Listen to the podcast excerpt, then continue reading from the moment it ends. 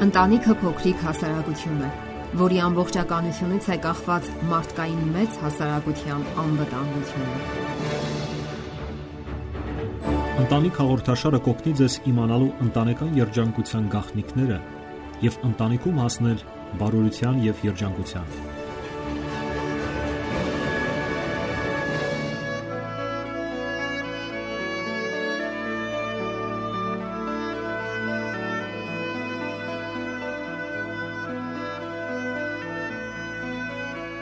Բարև ձեզ հարգելի ռադիոլսողներ։ Եթերում ընտանիք հաղորդաշարն է։ Կա արևելյան այսպիսի մի առակ։ Քայլում է ուսուցիչը ծովի ափով եւ տեսնում, որ իր աշակերտը ինչ որ բան է ուտում։ Այդ ինչ ես անում, հարցնում է ուսուցիչը։ Ձուկ եմ ուտում, պատասխանում է աշակերտը։ Ես այնքան շատ եմ սիրում ձուկ։ Ուսուցիչը շատ է բարկանում եւ նույնիսկ ոդկը գետնին է խփում ասելով. Ինչպես ես համարձակվում ստել։ Ինչպես կարող եմ ես աշակերտ վերցնել այսպիսի ստախոսին։ Դու ստում ես, ասելով թե ձուկ ես սիրում։ Դու բոլորովին էլ չես սիրում նրան։ Եթե սիրեիր, նրա համար ակվարիում կպատրաստեիր։ Հատակին գեղեցիկ քարեր կդնեիր, կաճեցնեիր տարբեր ջրային բույսեր եւ ամեն օր ժամանակին կկերակրեիր ձկներին։ Դու ձկանը չես սիրում, այլ նրա համը քո շրթունքների վրա։ Վերջին հաշվով դու սիրում ես ինքդ քեզ, այլ ոչ թե ձկներին։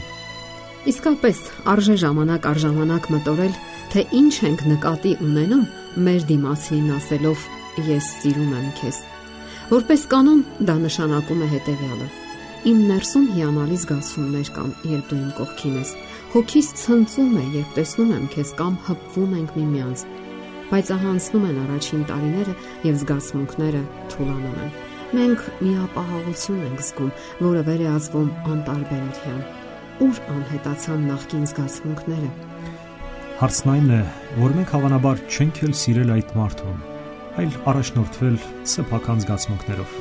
Եթե մարդը դադարում է լինել այս ռոպեական բավականությունների աղբյուր, մենք դադարում ենք սիրել նրան։ Այսпիսով մենք նմանվում ենք Արակի աշակերտին, որը սիրում էր ոչ թե ձկանը, այլ նրա համը։ Ինչ է սերը իսկապես։ Այս ֆենոմենը փորձում են բացատրել բոլորը՝ ֆիզիոլոգիական տեսակետից մինչև հոգևորը։ Բացատրում են իմաստասիրական, բժշկական, հոգեբանական, աստվածաբանական տեսակետներից։ Կա սիրո այսպիսի մի սահմանում։ Սերը գիտակցական նվիրվածությունն է միմյանց, որը կարիք ունի մշտական աշխատանքի, անznազողության եւ զգայականության մեջ։ Ահա թե ինչու, երբ շատերը թեթևորեն սիրահարվում են եւ ամուսնանում, հետագայում չեն կարողանում պահպանել այն իրենց ողջ կյանքում եւ թեթևորեն էլ բաժանվում են, կամ էլ մոտենում են եզրագծին, արդեն կորցրած լինելով այն։ Պատճառն այն է, որ մարդիկ շատ հաճախ են առաջնորդվում այս ռոպեական զգացմունքներով եւ հետագայում էլ չեն սնում եւ փայփայում եւ չեն խնամում այդ սերը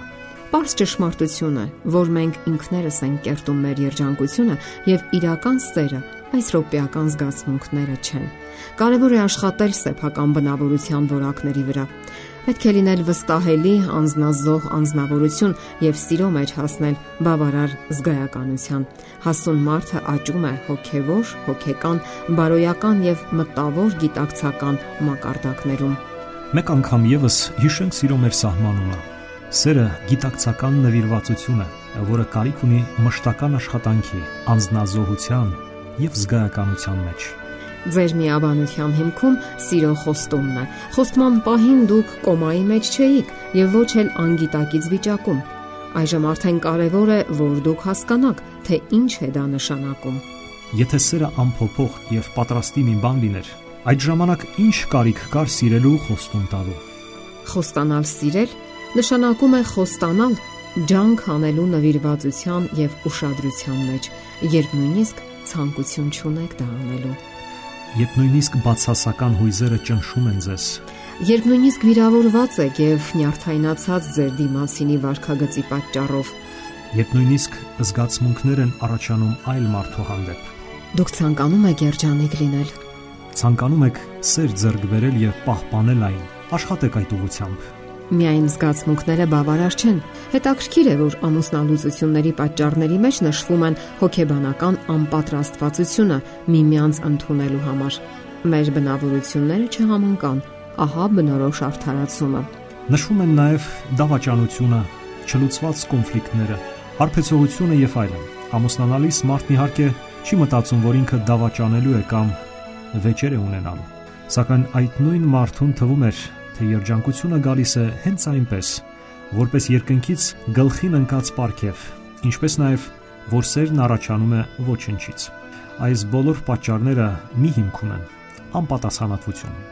Եվ այսպես խորհուրդ ենք տալիս այլ հայացքով նայել, թե ձեզ եւ թե այն մարդուն, ով կյանքում ձեր կողքին է։ Որոշում ընդունեք փոխադարձ գիտակցական նվիրվածությամբ ապա սկսեք աշխատել։ Յուրաքանչյուր առավոտ արթնանալով մենք նոր օր ենք սկսում։ Մենք դեռ չենք բացել մեր աչքերը, իսկ նոր օրը արդեն մեր կողքին է։ Եվ մեզնից յուրաքանչյուրը, որպես հմուտ կամ էլ անվարժ քանդակագործ, սկսում է այսպես ասած ծեփել այն։ Ամեն ինչ սկսվում է այն բանից, թե ինչպես ենք վերաբերվում սпасվող օրվան։ Լսելով թե ինչպես է պատուհանից այն կողմ շփշփում անձրևը, դուք կարող եք ասել՝ ուղակի զզվեցրել է խոնավ թաց եղանակը։ Կարելի է նաև մտածել. ինչ լավ է, այսօր օդը թարմ կլինի։ Կարելի առավոտ վաղ տրտնջալ, որ փողը քիչ է։ Կարելի է նաև շնորհակալություն հայտնել Աստծուն, որ տանը հաց եւ ջուր կա։ Առավոտ վաղ կարելի է գանգատվել առողջությունից, որ ցավում է այս կամ այն տեղը։ Կարելի է նաև ուրախանալ ու բացականչել, ինչ հիանալի է կյանքը։ Ես դեռևս կենթանի եմ այս երկրի վրա եւ կարող եմ ինչ որ բարի բան անել, օգտակար լինել մարդկանց։ Եվ վերջապես կարող ես նայել քո կողակցին եւ տարբեր բաներ մտածել՝ դրական կամ բացասական։ Դու կարող ես մտածել. սա նա է, ում Աստված դրել է իմ կողքին։ Ինչ հրաշալի է, որ այսքան տարիներ նա իմ կողքին է, այսօր էլ, վաղն էլ նա իմ կողքին է լինելու։ Ես պետք է սիրեմ եւ փայփայեմ նրան։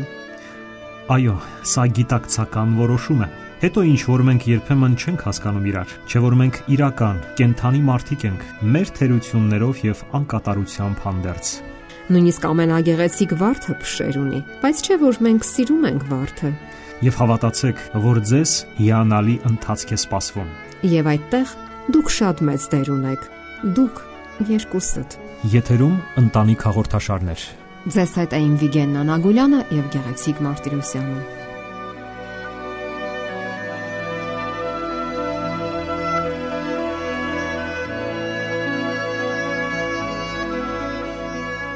Օշնյալ է տունը, տան մեջ ընտանիքը, ընտանիքի մեջ դերը։